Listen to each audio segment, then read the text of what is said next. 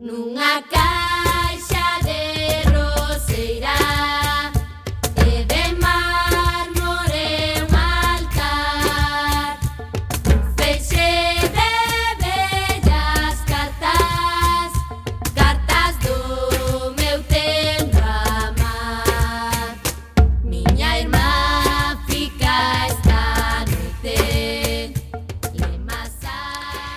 que tal, recendeiras e recendeiros? Benvidas e benvidos a este espazo radiofónico semanal adicado á cultura que facemos en rigoroso directo todos os martes ás 7 da tarde aquí en Cuac FM, no 103.4 a Radio Comunitaria da Coruña.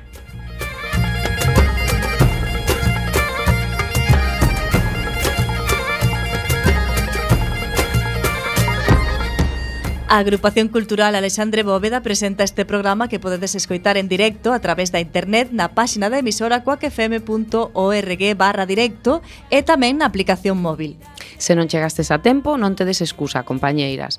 Podedes descargar todos os programas xa emitidos en Radioco, o megapodcast da nosa emisora, ou tamén podedes escoitalo na redifusión, que será os mércores ás 8 da mañá, os venres ás 4 e na madrugada do domingo ao luns ás 12 da noite. E a partir de agora seguídenos nas redes sociais tanto deste programa recendo como da propia agrupación cultural Alexandre Bóveda, que teñen abertas as súas canles en Instagram, Twitter e Facebook ou na web www.acalexandrebóveda.gal. Amado, sempre está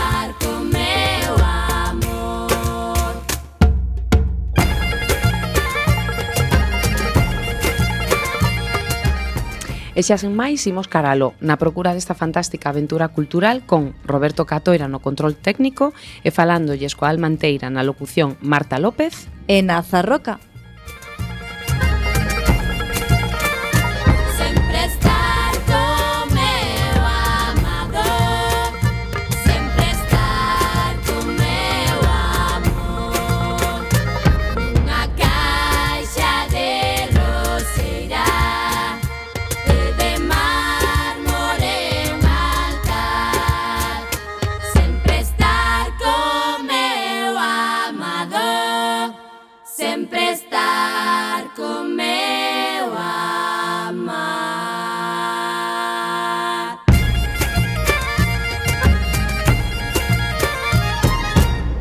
Pois estamos xa comezando o programa número 459.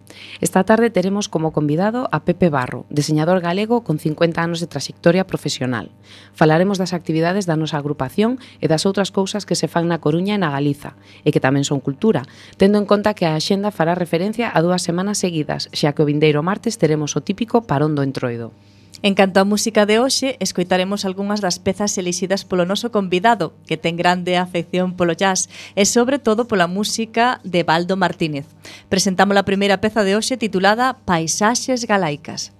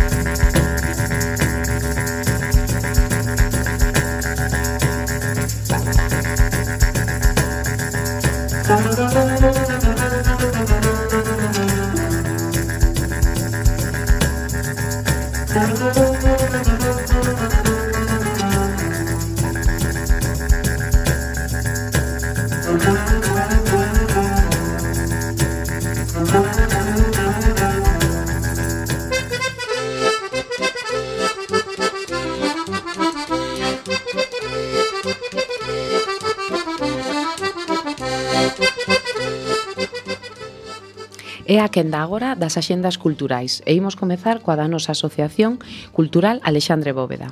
Oxe martes, o bibliotecario Jorge Castro Ruso falarános da historia da emigración galega. Nesta palestra farás un repaso á historia da emigración galega desde o século XIII ata os anos 70 do pasado século. O Poñente, desde o ano 1990 ata o 2007, impartiu curso, cursos en centros galegos de Argentina, Uruguai, Brasil, Venezuela, Cuba, Alemanha e Suiza. Traballou en diferentes etapas na Secretaría Xeral de Emigración da Xunta de Galicia. Será hoxe a sete media no noso local. O xoves 8 comenzamos un ciclo de cinema para dar visibilidade ao conflito palestino, con proxección cada mes. A de febreiro estará dedicada á directora Jocelyn Saab, nada en Beirut en 1948. Nesta sesión proxectaremos catro curtas dos anos 70 e 80, en versión orixinal con subtítulos en galego. Será ás 19.30 horas no noso local. O Benres 9 acollemos a presentación de Cinza, de Manuel, de Manel Cráneo, a adaptación en banda deseñada do long seller A nosa Cinza de Xavier Alcalá, con máis de 80.000 exemplares vendidos.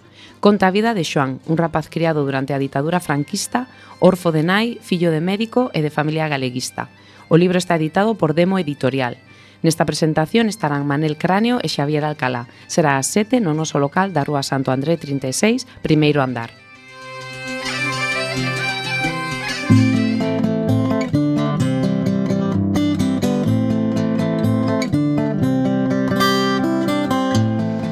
Imos agora ca xenda da Coruña e empezamos polo eido audiovisual.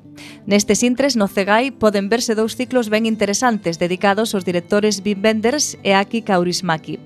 Do finlandés podemos ver eh, Sombras do no Paraíso, Fallen Loves, Leves, perdón, Hamlet by the Negocios e Ariel. E de Wenders podemos eh, ver Alicia nas cidades e Ceo sobre Berlín prosegue o ciclo das mellores películas da historia no Teatro Colón, ao ritmo de unha por mes. Esta vez, a quenda é Ao final da escapada, unha das películas máis lendarias da Nouvelle Vague francesa. O convidado será Paulino Biota, cineasta, profesor e escritor. Será o xoves 15 ás 8 e media. Nesta semana, nos cines do Foro Metropolitano, podrá verse a película Benedetta, de Paul eh, Verhoeven, sobre unha monxa lesbiana na Italia do século XVII. E na outra sala botan a película húngara Preparativos para estar xuntos un período de tempo descoñecido. Todo iso será do xoves 8 ao sábado 10. Tralo entroido, nesas mesmas salas proxéctase Leto, que fala sobre os pioneiros do rock ruso nos anos 80, e a película eslovaca Servos, que fala sobre as, os seminaristas na Checoslovaquia dos anos 80. Estas serán do xoves 15 ao sábado 17. Imos agora ás artes escénicas. Kiko Cadaval e Vero Rilo xuntanse neste festival para inaugurar o programa Agra no Ágora de 2024 e deleitar o público coas súas mellores historias. Actúan o xoves 8 ás 20:15 horas no Ágora con entrada de balde.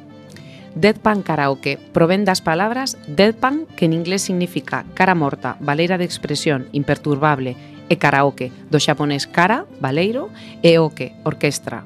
É un espectáculo unipersoal de carácter participativo sobre un personaxe incapaz de sentir e expresar emocións. Será o Benres 16 ás 9 horas no Foro Metropolitano.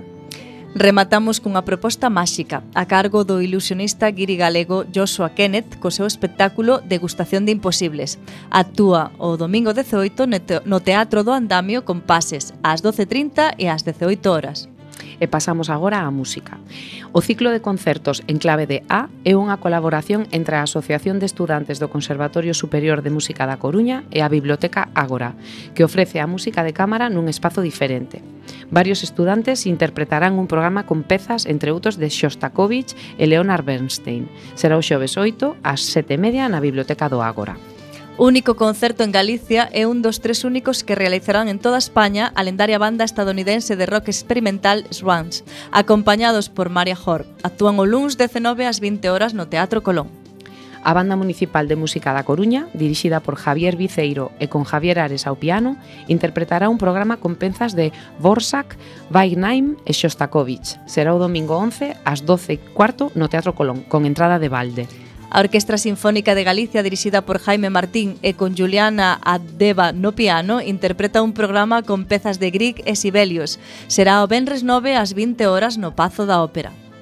A Real Filarmonía de Galicia, dirixida por Baldur Broniman e con Cari Criicu ao clarinete, tocarán pezas de Saariajo, Korngold e Kurt Weill. Será o Benres 16 ás 8 horas no Pazo da Ópera. O sitio do meu recreo é o título dunha das cancións máis emblemáticas de Antonio Vega e tamén o do homenaxe que lle renden Suarma, Nacho Campillo, Teo Gardalda e Ani B. Sweet. Podedes velo o sábado 17 ás 20.30 horas no Palexco. En canto a exposicións, o grupo de acuarelistas As Xubias, formado por uns 20 autores, exhiben este mes de febreiro as súas últimas obras no local de Arga, a Asociación de Artistas Plásticos Galegos, na Rúa Costa Rica 1.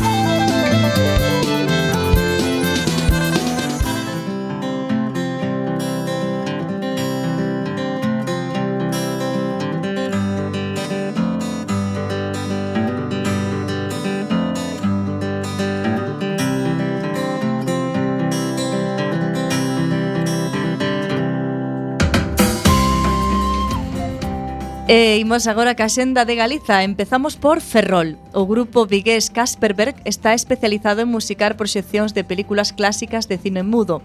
Nesta ocasión anímanse con sete ocasións na que Buster Keaton fai dun axente de bolsa que está nunha situación crítica. Tocan o Benres 9 ás 20.30 horas no Teatro Jofre. En Lugo poderedes ver Vaivén, que é unha peza escénica de danza contemporánea da compañía de Marcia Vázquez que navegan mareas vivas. Tra a tormenta, o océano cuspe a beira mar todo aquilo afogado na profundidade. Podedes vela o Benres 9 ás 8 e media no Auditorio Municipal Gustavo Freire e pegamos un chimpo a Ourense. A compañía Cinemusic Productions, formada por Caldas e Mancho, presenta o seu espectáculo Rir, Consideranse a sí mesmos rural influencers e teñen un marcado carácter galego, galego propiciado pola súa orixe rural, un pobo do interior galego, a Mieiro. Actúan o venres 16 ás 20 horas no Teatro Principal. En Pontevedra vaise celebrar a novena edición do Festival Hard Valentín, que organiza o colectivo Repunante, e que contará cos grupos Cambello, Soul of Anubis, Kuma, No Sanctuary e Hair Container será no tronco bar da urbanización Ponte Muiños, o sábado 10 a partir das seis e media. E imos a Santiago. Estes días vai haber unha interesante programación de músicas urbanas na Sala Malatesta. O sábado 10, ás 21.30 horas, actúa o rapeiro mallorquín Xavivo. E o venres 16 ás 19 horas actúan os rapeiros madrileños Ocer e Rade. E en Vigo, tres personaxes homínidos distintos refúxanse da ameaza dos lobos xunto aos restos óseos dun mamut. E na súa loita pola supervivencia deciden entenderse, cooperar e crear xuntos a pesar das súas diferenzas. Diso trata Mamut, a obra teatral a cargo da compañía Marqueliñe. Podedes vela o domingo 11 a 6 eh, da tarde no Auditorio Municipal. E hoxe como vila convidada traemos a Arteixo, Eh, a xa veterana e exitosa compañía Ron Lalá presenta o seu novo espectáculo titulado 4x4, aínda que realmente non é tan novo, porque revive os mellores números dos seus inicios nesta selección de 4 pezas de cada un dos 4 primeiros espectáculos profesionais. Actúan o Benres 16 ás 20.30 horas no Auditorio do Centro Cívico.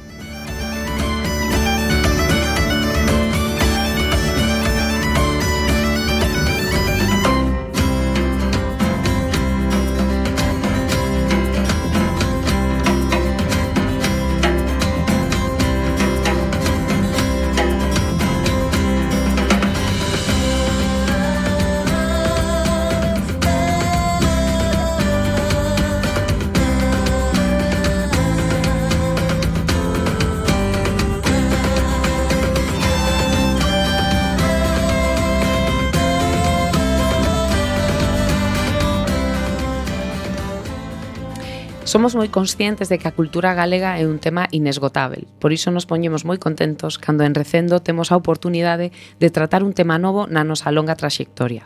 Este é o caso de hoxe, no que imos falar de deseño, unha materia que inauguramos dende as ondas de Recendo. Para estrearnos nesta disciplina temos a gran sorte de contar cun dos deseñadores máis populares e recoñecidos de Galicia. Estamos a falar do deseñador gráfico Pepe Barro. Para os que non o coñecedes, diremos que é o responsável de elementos tan recoñecibles como como logo de Tour Galicia, a camiseta da selección galega, o deseño da identidade de Pazo de Vilane, a empresa dedicada á comercialización de ovos campeiros. Tamén é a mente detrás da identidade da Universidade da Coruña, por citar só algúns dos seus traballos máis recoñecibles. Pepe Barro naceu en Puente Deume, e leva 50 anos de carreira profesional. Moitos dos seus traballos realízanse dentro do seu do seo do grupo Revisión, no cal está acompañado por Lía Santana e Xosé Salgado. Xuntos deseñaron o semanario A Nosa Terra, os primeiros cuponazos da 11 e a web da Real Academia Galega. Pepe Barro tamén ten feito traballos de forma independiente e tamén se ten dedicado a outros ámbitos en principio afastados do máis estrito deseño gráfico. Dentro destes proxectos podemos destacar cousas como a renovación renovación da Casa Museo de Rosalía de Castro, o deseño das exposicións polo centenario das Irmandades da Fala, Galicia, 100 obxectos para contar cunha unha cultura, ou tamén exposición Confío en Galicia, Pepe Barro tamén ilustrou libros tan senlleiros para a cultura galego, galega como Cantares Galegos ou Arnoia Arnoia, de Méndez Ferrín. O propio Pepe Barro tamén ten escrito libros como O Como é o que conta, un libro que compila 30 artigos sobre deseño ou máis que ver, 100 historias de deseño en Galicia. Sen máis preámbulos, damos a benvida ao deseñador Pepe Barro. Moi boas tardes, Pepe. Hola, boas tardes. Boas que tardes. tal estás? Moi ben, moi agradable aquí neste local. Sí, estás a gusto? Moi ben. bueno, pois ímos imos comezar ca entrevista para empezar desde o principio. Lembras cando foi a primeira vez que te sentiches atraído polo mundo do deseño? Me, bueno, a mí xa me gustaban uh, as artes plásticas, digamos, non? Pero ao chegar á universidade, contactar con eh, compañeiros mm, de, da agrupación cultural o Galo, bueno, pois había necesidade de facer pois cartaces para anunciar as, as actividades. Entón aí eh, empezou o meu interese por eh, bueno, cubrir ese campo, non? E dar servizo a esa necesidade que tiñamos, non? E, e aí comezou o, o meu interese, non? Pero e polo deseño gráfico en concreto, o sea, mm, sí, por esta porque, disciplina, cando sentiches que... Sí, eh, aí na universidade... O sea, por... xa desde o principio, prácticamente. Entón. Sí, desde que eu cheguei á, á universidade, porque xa lembro que no ano, a final do ano 72, eu xa fixen un cartaz para anunciar un ciclo de conferencias. Daquela era un cartaz grabado en linóleo, impreso nunha, nunha imprenta convencional, pero xa xa eh, rapidamente o meu interese por comunicar de forma visual, non? E de e digamos sempre tendo en conta que era un traballo creativo, pero que ia ter unha repercusión social, porque iso pois víao moita xente, non? Entón aí o meu interese pola comunicación social pois eh, levoume a ir desbotando, digamos, a unha carreira de artista ou de pintor ou de algo parecido a, a, a enfocarme cara ao deseño, non? Ben é certo que non, eu non coñecía este termo, nin que, pero eh, a través de Ventura Cores, un, un deseñador, eh, artista eh, compostelán, eh, vencellado á agrupación cultural o galo, pois eh, eh, el eh, veu que tiña interese mm, en facer ese tipo de cousas e recomendoume libros, foime, eh, digamos, facendo un labor de, de titor que desembocou no meu interese por estudar esa materia, non? Claro, porque agora hai escolas de deseño, pero nese momento non había, como te formabas? Mm, Fuches mm, eh, autodidacta? Sí, en principio sí, e logo eh, dirixime a Barcelona, no, pero xa no ano 77, non? Eh, e ali estudei eh, perdón, no ano 75 cheguei a estudar a Barcelona, non? A unha escola eh, de deseño, non? Claro, en Madrid, pois eu creo que non había aínda onde estudar siquera, e pues, aquí nin sabíamos que existía esa disciplina, non? non tiña nin nome. Efectivamente, non? Pero claro, iso existía, eh, antes pois chamaríase eh, debuxo publicitario, outro tipo de, de denominación, non? E pouco a pouco, bueno, pois xa nos nos anos 70 e finais dos 70 xa callou a palabra deseño non só aquí, senón tamén eh, pois en a propia Cataluña non ou, ou en España non tamén E cales foron os teus primeiros traballos? Pagados. Eh, bueno, eh, bueno pagados, claro. pagados é outra cousa, pero bueno, eu comecei a, comecei a facer traballo xa no ano 73. Uh -huh. Bueno, un rapaz de 18 anos, non? Eh, eh, Claro, eran traballos de colaboración eh, gratuita, non? Eh, pero xa, digamos, de maneira profesional, vamos a chamarlle, pois no ano 77 foi deseñar un semanario eh, que foi a nosa terra unha publicación que recuperaba nese ano unha cabeceira histórica da presa nacionalista galega e que se, se decidiu eh, deseñar e producir en formato tabloide impreso nunha rotativa de xornal e non nunha revista convencional que era un método de, de impresión moito máis caro e, e ademais eh, o feito de facelo en rotativa de prensa pois posibilitaba tamén unha maior tiraxe de, de exemplares e a, e a un prezo máis reducido non? entón, bueno, pois eu deseñei daquela eh, bueno, deixei a escola e, e no verán xa me puxen a traballar nese proxecto e aí estive dous anos levando o deseño semana a semana non? Do, do xornal, non? E como se lidia coas dúbidas cando fai un cando te encargan algo? Como es, e, e pasa no tempo? Vaise gañando en confianza ou Si, sí, vaise gañando. Se, se pode mal. se lle pode decir aos que sí. comezan que se acaba eh, bueno, pois pues, tendo unha mesmo así ás veces eh, estás nunha situación de intranquilidade, non? Eh, eu creo que eso eh, ese medo ao papel en branco, non? eu sempre recomendo poñerse a manchar o papel con calqueira eh, cousa que che pase pola cabeza, mesmo que consideres que que é unha parvada, non? Pero eh, porque mm, a partir dunha parvada de dúas e de tres pode xurdir algunha, algunha pequena idea, eh, bueno, entón mm, vaste metendo en, en fariña e eh, algo sae, algo sae sempre, non? E se non sae hoxe e tes un día máis, pois se cadra sae mañá, non? Claro, eh, é unha loita contra o tempo, porque normalmente se tes unha encomenda tamén tes unha data para entregar o traballo, non? E iso, bueno, crea unha tensión grave, non? Eh, bueno, eu eh, hoxendía loito contra, contra ese estrés, non?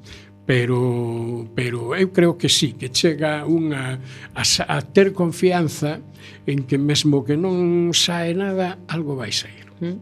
E o trato cos clientes, como é? Quero dicir, eh, dan carta blanca ou intentan dirixir? Depende moito mm, do proxecto. Eh, sí, de cada cousa e de cada persoa.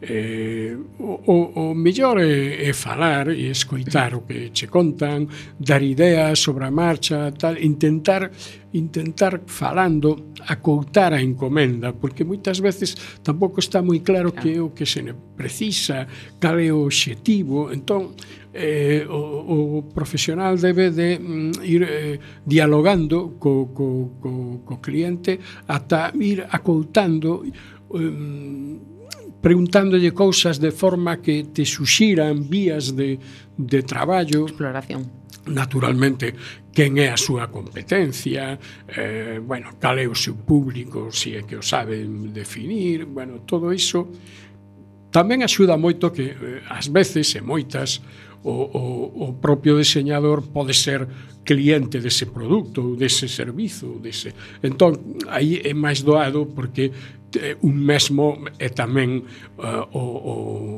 bueno, o destinatario non? outras veces non hai que profundar máis na, na, na conversa non? E afrontanse de xeito diferente os encargos que veñen dunha empresa ou particular en comparación cunha entidade pública ou institución? Non, desde un punto de vista profesional non hai ningunha diferenza, non? Eh, volvo a repetir, é, é importante eh, escoitar, non, o que o que teñan que decir, non? E logo tamén eh, ser quen de contar as túas ideas e que e que se e que se entendan, porque eh, ás veces non é doado, non? Entón, non só con exemplos eh, gráficos visuais do que se quere facer, sino tamén con argumentos, non? Argumentos que non sexan eh, eh, que non dependan, digamos, de, do gusto de cada quen, sino eh, buscando algún dato obxectivo. Bueno, non é un exercizo doado, pero eh, é necesario facelo, eh, racionalizar o que estás eh, propoñendo, eh, buscarlle todas as voltas e eh, reviravoltas para, para poder expresalo. Porque, claro, a diferenza dun, dun artista, un artista pode que non se xa entendido hoxe, nin mañá, pero eh, bueno, cosanos pode que eh, algún crítico e museos, bueno, consigan que eh, achegar a súa obra ao, ao público, non? Pero un diseñador eh, gráfico ten que eh, eh explicarlle ao público as cousas eh, hoxe mesmo, non? Non, non, non pode, é dicir, ten que se a mensaxe non non é entendida non serve para nada, non? E cales son os clientes máis duros de deixar satisfeitos? Bueno, non che sabería dicir, pero eu creo que todos en xeral, non? Mm. Sí. Mesmo que alguén che encomende unha cousa pequena, sempre agarda eh, moito, non? Da, de, digamos, de poñerse nas mans de, de alguén que, que non é el mesmo, non? Eh, bueno, e iso a confianza gañase tamén co tempo, non? Afortunadamente eu teño clientes cos que manteño un trato de, de, de anos, non? Non é que traballemos todos os días xuntos, non? Pero eh, que volvemos a, a toparnos. Non?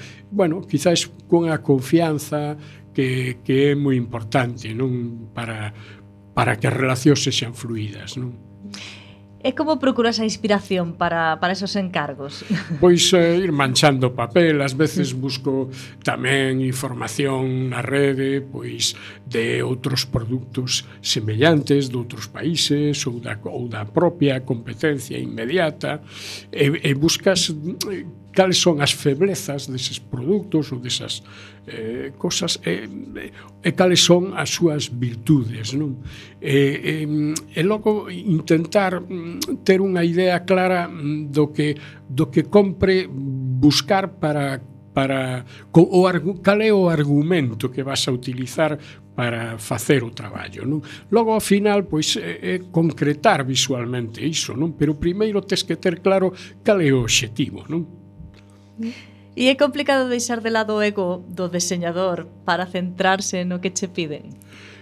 Non, porque iso é consustancial co, co traballo desde que empezas a, a traballar, non? Si é certo que tes de unha querencia por facer as cousas dun xeito e, e ás veces tamén eh, eh, que un proxecto pide outro tipo de solución, custa moito abandonar eses prexuizos profesionais que tes, non?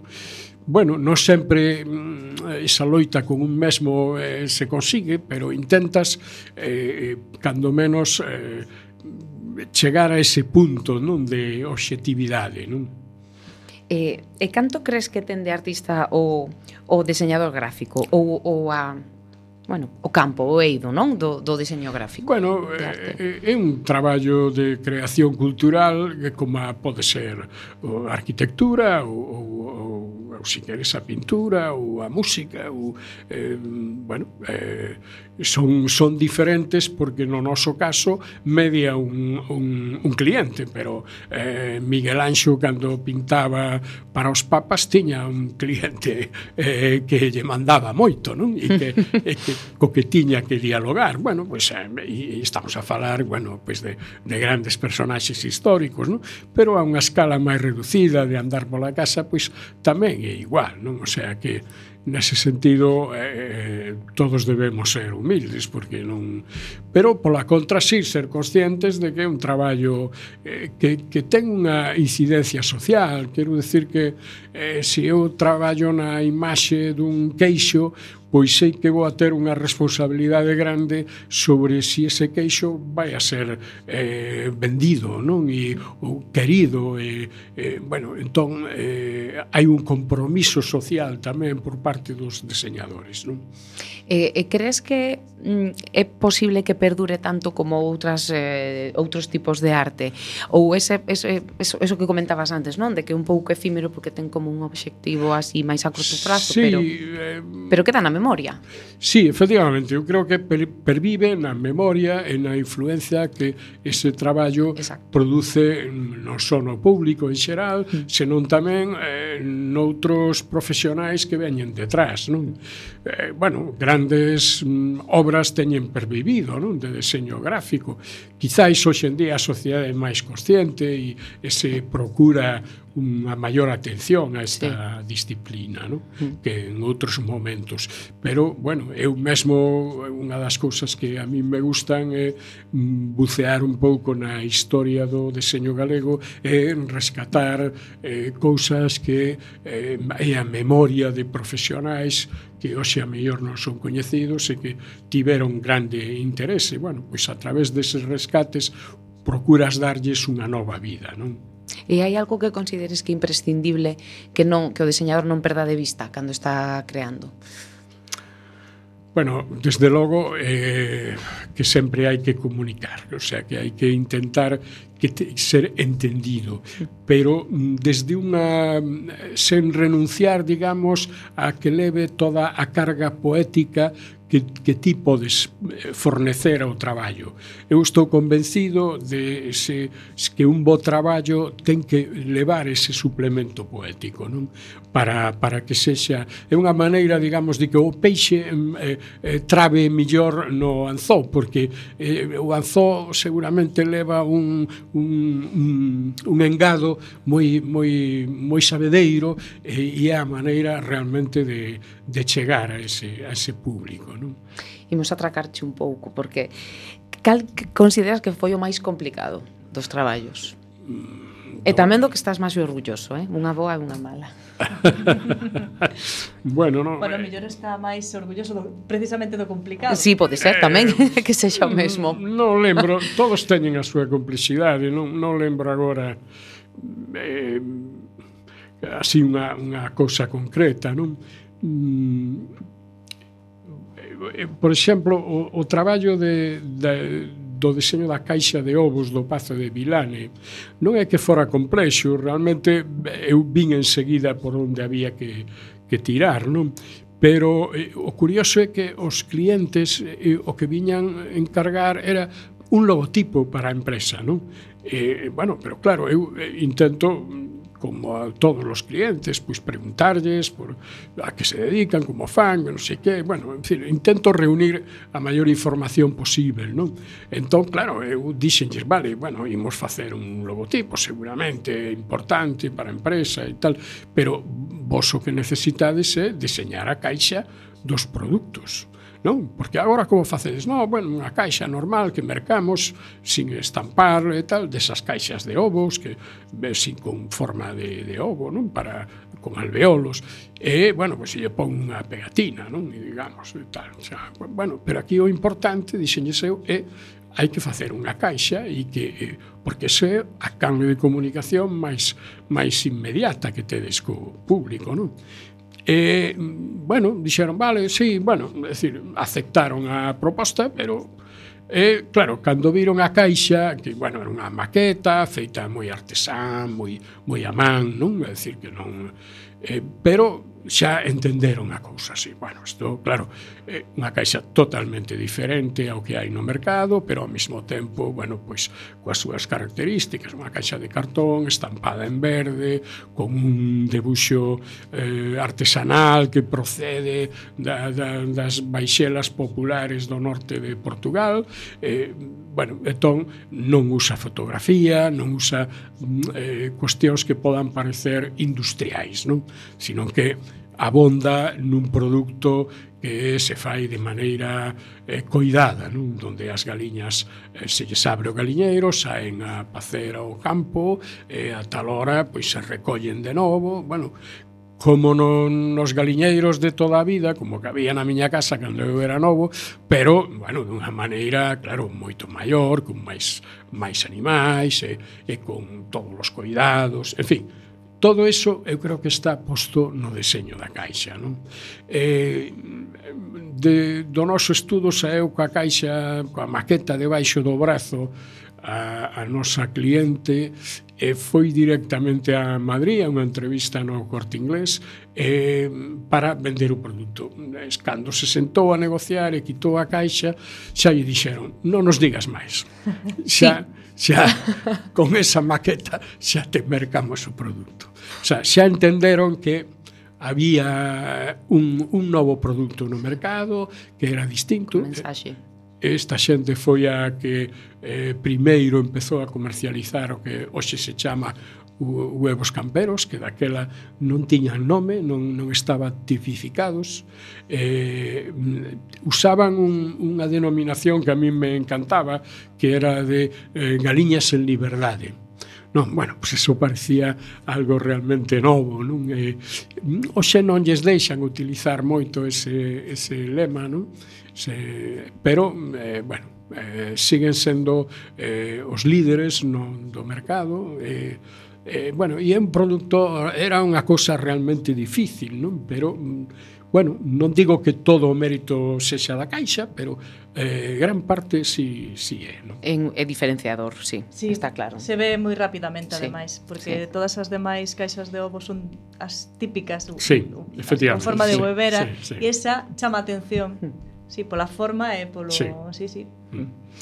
Eh, bueno, fai pouco tu unha exposición, verdade? Sí, certo. Eh, contanos un poquinho, como xurdeu esa oportunidade? Bueno, foi un convite que me fixo a Fundación Didac, que leva David Barro e Conchimayo, eh, eles mm, queren dedicarse, bueno, levan xa moitos anos con un, unha sala de exposicións en Santiago de Compostela e con unha orientación clara mm, á arte contemporánea, pero tamén ao deseño. Non?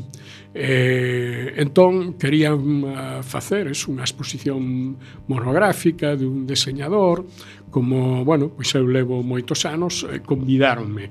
Eh, e eu, eh, bueno, dinlle voltas ao asunto e pareceume que eh, bueno, podía quitar dos armarios aquelas caixas que teño cheas de cadernos de, de traballo e mostrar os propios cadernos non? Eh, bueno, e así fixemos eh, expuxéronse en mesas e eh, atriz pois eh, 66 cadernos eh, dunha escolla de cadernos de 30 anos de traballo porque eu antes traballaba en papéis soltos, e, e logo eso acompañábase de unha serie de proxeccións ás, ás paredes eh, nas que se mostran pois, traballos xa rematados. Non? E nos cadernos o, o que eu creo que chamou a atención do público é que se podían mirar, é dicir, que un pode pasar as páxinas, non? Mm. e pode mesmo localizar os esbozos dun, dun traballo e ir pasando as páxinas e ver como se evolucionou. Dicir, de alguma maneira podes ver casi como abrolla o pensamento, como se desenvolve e tal. Claro, hai que ter un pouco de paciencia en mirar aquí e acolá, pero bueno, hai moitas mm, moitas exemplos de moitos eh, traballos diferentes, non? entón eh, eu creo que eso mm, lle gustou moito a, aos visitantes, non? Era a primeira exposición que facías? Nove xa fixen unha primeira exposición no ano 81, no que aínda eu tiña moi pouco traballo, pero fixen unha mostra na Galería Sargadelos de Santiago de Compostela, E logo eh, no ano mm, 97, no, sí, no 97 eh, eh, creo que era así, ¿eh? era no 97, na, na Igrexa da Universidade, a, a Universidade de Santiago de Compostela organizou unha exposición sobre todo o traballo que nos fixemos para o quinto centenario da institución, que foi moi laborioso durante moito tempo, en o que fixemos todas as pezas gráficas que se emitiron desde libros de todo tipo, todos os 20 pico congresos que se realizaron E como, bueno, o sitio era grande, propuxemos tamén eh, incluir unha escolla de traballos da nosa traxectoria. Daquela, pois, eh, eu facía 25 anos de traballo, non? Eh, bueno, pois foi unha, unha experiencia tamén eh, interesante, non? E logo xa esta outra exposición, non? esta última que esta última, en Santiago sí. fora. Sí, tamén. Sí, a verdade é que as tres exposicións que eu realicei foron en Santiago. eh, E pensas que o espazo expositivo é importante para o deseño da exposición? Sí, eh, en realidade eu procuro eh, partir sempre do espazo, non? De feito, eu desde hai xa moitos anos fago deseño de exposicións, e, e pequenos museos, e, entón, eh, claro, o espazo é fundamental, non? Como, como porque unha exposición eh, o público deambula na sala, non? Eh, e é fundamental como, achega, como se achega as pezas, como cale a moblaxe expositiva, como se expón, entón, eh, eso é, é, é fundamental, non? Mm, nese sentido un, un traballo que a mí me resultou moi gratificante é o, a Casa Museo de Rosalía de Castro en, en Padrón, sí. ¿no? na sí. Casa da Matanza ¿no? eh, era un tema que a min xa me andaba na cabeza desde había moitísimos anos pero non, non conseguín contactar cos responsáveis e que, mm, bueno, e que a miña proposta fora mm, entendida, non? Pero, bueno, ao fin, eh, non lembro agora, no ano... Eh, son, son procesos moi, moi lentos, non? Pois nos 2000 e pico eu creo que contactei coa, coa Casa Museo, pero mm, non había diñeiro. Entón eh, empezamos un, un, unha peregrinaxe porque eu acompañei os responsáveis da fundación, pois a xunta, a institucións públicas, fundacións eh, privadas, eh, mesmo visitamos algún eh, empresario na busca de financiamento, non? Bueno, pois pouco a pouco eh, ao cabo de anos, no 2015, puidemos poñernos a traballar con, eh, bueno, con diñeiro da Deputación da Coruña, eh, con diñeiro da Xunta de Galicia, eh, eh, cambiamos unha parte, non? Pero ainda houve que agarrar un, un tempo e por fin en 2017 conseguimos rematar o traballo. Dicir que é un proceso moi longo, no que o deseñador tamén ten que acompañar aos clientes a buscar o diñeiro, non? Para eh, digamos eh, fornecer os argumentos necesarios para que se xa entendido non o asunto. Claro, neses procesos eh, un aprende moito tamén, non non, non só dá, sino que tamén recibe, non? Mm. E por fin, bueno, pois xa digo, poidemos facer un proxecto totalmente remozado, mmm, había moito material eh, exposto que non tiña nada que ver con Rosalía de Castro coa súa familia, dado que era material, vamos a chamarlle, de atrezo, porque, mm, claro, Rosalía ali non vivira desde había moitísimos anos, non? Entón, ali non quedaba nada. E cando se musografou nos anos 70, pois... Mm, eh, levarose pezas bellas, pezas de que había alrededor de Padrón, pois mm, unha cama, eh, unha almofada de palillar, co cal estaba ali exposta e todo o mundo pensábamos, eu tamén, que Rosalía palillaba.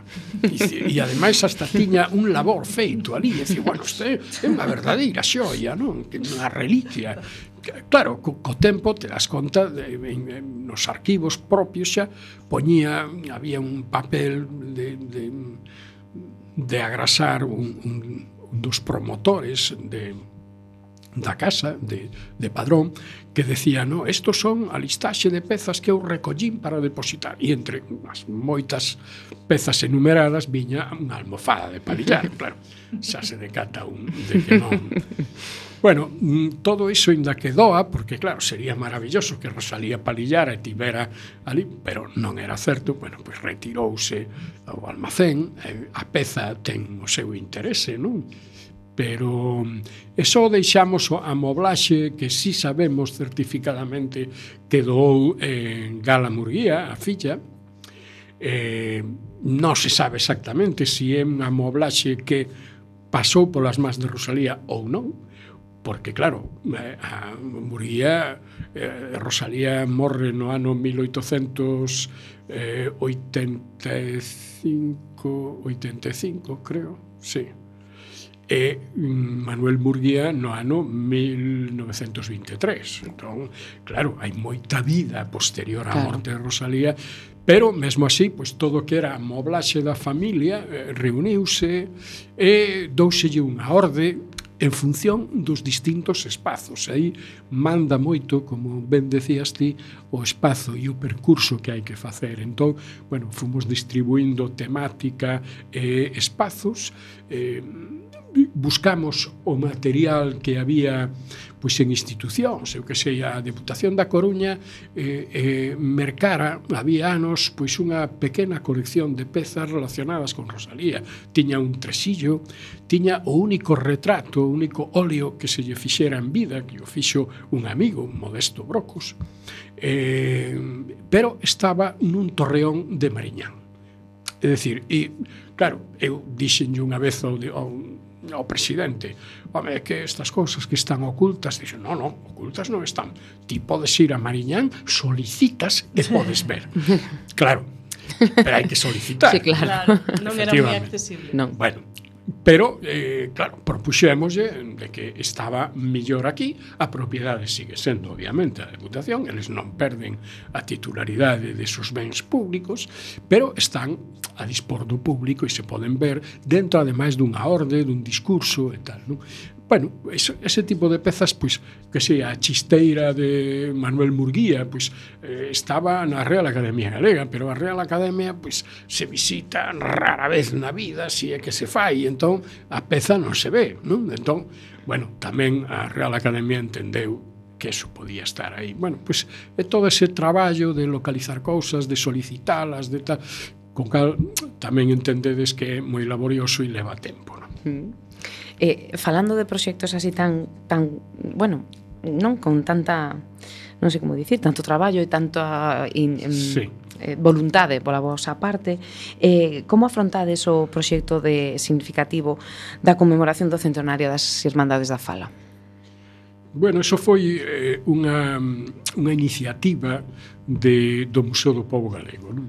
E, bueno, eu tiven a sorte de que o seu presidente daquela, o presidente do Padroado, eh, Justo Veramendi, eh, pois se dirixira a min, que eu, cal, eu tiña trato con el, de, e mesmo tivéramos, fixéramos algunha colaboración, había moitos anos, non?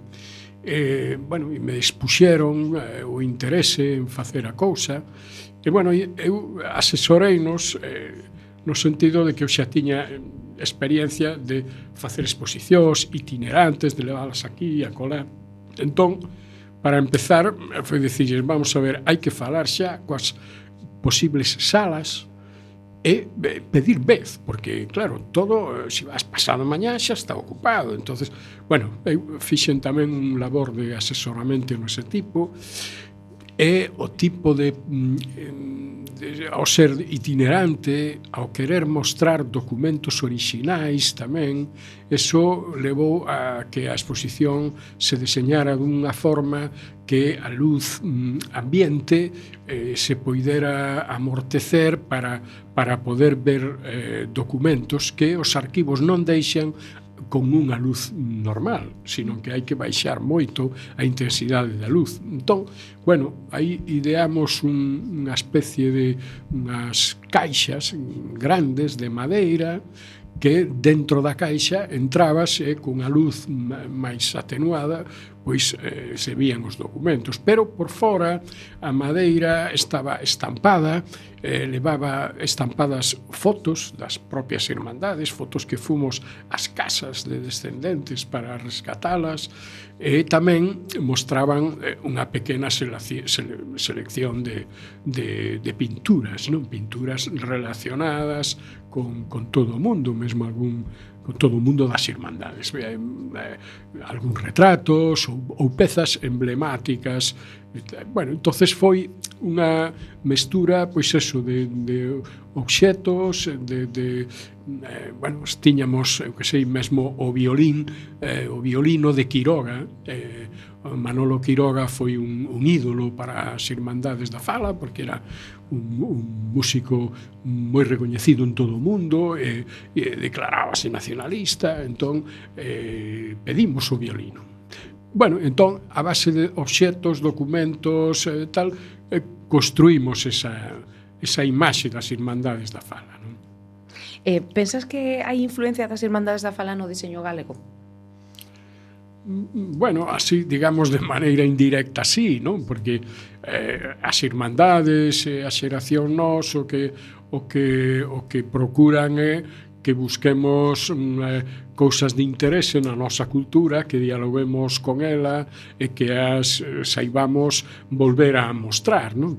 Nesa exposición, por exemplo, eu mm, eh, procurei buscar, eu ademais de deseñador funcionaba un pouco como asesor, non? Entón, por exemplo, unha cousa que, que busquei foi eh, os esbozos eh, de Bello Piñeiro para os murais do Casino de Ferrol, que son uns murais que está reinterpretada a flora galega en clave xaponesa que era eh, o modernismo. Non? Eh, entón, dentro do estilo modernista eh, que Bello Piñeiro interpreta con, con, con Xapón, digamos, na, na, na man, pois eh, hai, por exemplo, esbozos maravillosos en Wash do que eh, son a, a flor do toxo, non? Eh, e entón, eh, bueno, pois expuxemos varias pezas desas que eh, están en sintonía con mellor modernismo que se facía de Europa non a principios do século XX. Bueno, pois esa, ese espírito non de, de reinterpretar as raíces pero sin renunciar a, a contemporaneidade non e a, e a vanguarda eh, eu creo que eso é o que podemos aprender das irmandades. Non? Uh -huh. eh, fuches o encargado de seleccionar os obxetos que representan a cultura galega? Non, eso fixo Manuel Gago un xornalista, crítico cultural, eh, unha persoa cunha gran cultura e, e sobre todo un gran comunicador. Eh, Manolo foi o comisario desa exposición non? Mm. e el me, me explicou que o que quería, que obxetos, eu dinlle algunhas pistas de algúns que el non tiña controlados, pero foi un traballo del. Eu aí só fixen, digamos, o, o deseño, non? que era complexo, porque Manolo quería que ademais eh, os obxetos dialogaran entre sí, entón facía como, digamos, grupos de obxetos que tiñan algunha relación entre eles. Entón, bueno, había que diferencialos de outros obxetos e ao mesmo tempo todo eso tiña que ser eh, eh, eh adaptado a salas moi diferentes. Non? Entón, bueno, eh, tivo a súa complexidade, pero creo que logramos eh, bastante dignamente eh, resolver o problema. Nos estamos quedando casi sin tempo, pero para rematar no, queríamos preguntarche eh, eh, si, si nos podes decir brevemente en que estás traballando. Bueno, pois pues estes días estou traballando na identidade gráfica, bueno, é unha proposta que eu fago mm, para a o grupo de traballo que está elaborando a candidatura da Ribeira Sacra á listaxe do patrimonio mundial non pola UNESCO que non sei exactamente cando se vai producir pero, bueno, a min achegaronme xa algúns documentos para esta nova xeira eh, e a partir de aí, bueno, pois eu eh, elaborei unha serie de propostas gráficas eh, para para, digamos, poder formalizar a candidatura non? E, e, e poder comunicarse tanto cos eh, funcionarios españois das diversas comunidades autónomas do goberno español como mm, logo, bueno, pois eh, a proposta xa directa a UNESCO. Bueno, é un traballo que ten unha data de caducidade, en canto se, tampouco é seguro que acepten o que eu lles acabo de propoñer, non? que se cadra non se chega a nada, é dicir, aínda está a pelota non se sabe si caeu en que tellado caeu. Sí. Pois pues, Pepe, foi un placer sí. eh, terte con noso bueno, en Recendo, pero lamentablemente gracias. chegamos ao final e eh, temos que despedirte. Pois uh, moi agradecido pola vosa acollida. Moitas gracias, gracias a ti. Moitas gracias. E sen tempo para máis odiseas, imos chegando ao fin do camiño deste recendo. Despedimos o programa de hoxe, agradecendo aos no, ao noso convidado, que como sempre foi de honra, eh, Pepe Barro, diseñador gráfico. E agradecendo a semente pedra angular de todo, o noso comando e equipo de produción formado por Javier Pereira, Gemma Millán e Roberto Catoira. E aquí estivemos nos controis Roberto Catoira e co alento no, do micrófono Naza Roca e Marta López.